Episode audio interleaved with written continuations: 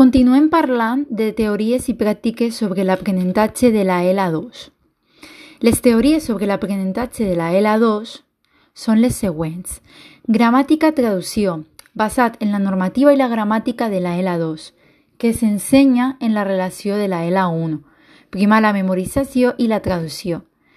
També tenim la lingüística estructural i mètode audiolingual. És una proposta una gramàtica descriptiva, implícita i inductiva. També la gramàtica generativa i enfocament cognitiu, que suposa una base comuna per a totes les llengües i treballar els aspectes diferenciats de la L2. I per últim, lingüística textual, enfocament comunicatiu humanista i mètode funcional nocional. Aprenentatge funcional i significatiu semblant al de la L1. També tenim unes recomanacions per a potenciar l'aprenentatge de la L2. Són les següents. Crear un ambient de confiança que afavorisca la comunicació, respectar el ritme d'aprenentatge de cada xiquet, exposar a l'alumnat un input comprensible però ric i variat, parlar de manera molt contextualitzada, referint-se a l'ara i a la sí, fer servir mecanismes de suport, visuals, gestuals, promoure converses en xicotet i gran grup, que siguin espontànies i ritualitzades, corregir amb precaució els errors més rellevants destacar-ne els pro el progressos, incloure activitats significatives i ensenyar frases útils per a mantindre una conversa. I per últim, cal añadir introduir xicotetes reflexions metalingüístiques de la L2 per a despertar la consciència de l'aprenent.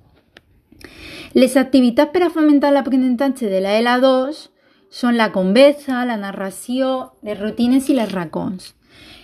En la conversa, ajuda el mestre a conèixer millor els alumnes, els coneixements, els interessos, les dificultats, possibilita que l'aprenent s'expresse i compartisca amb la resta de grups. Classe, ajuda a aprendre a escoltar, a demanar paraula, a demanar el turn, diferents tipus d'interacció, mestre-alumnes, alumne-alumne, varietat de temes de conversa, espontanis, de treball, d'organització de la classe. Per una altra banda, tenim la narració, resulta motivadora perquè va lligada a interessos de la vida real, interès per la comprensió completa del missatge i l'importància de l'especificat de la parla.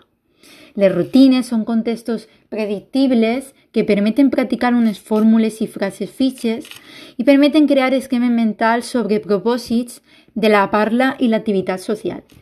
I per últim, i per acabar ja, tenim els racons que faciliten l'ús espontani de la L2 entre iguals i l'intercanvi de coneixement i permeten posar en pràctica l'aprenentatge significatiu, potència la iniciativa i la responsabilitat.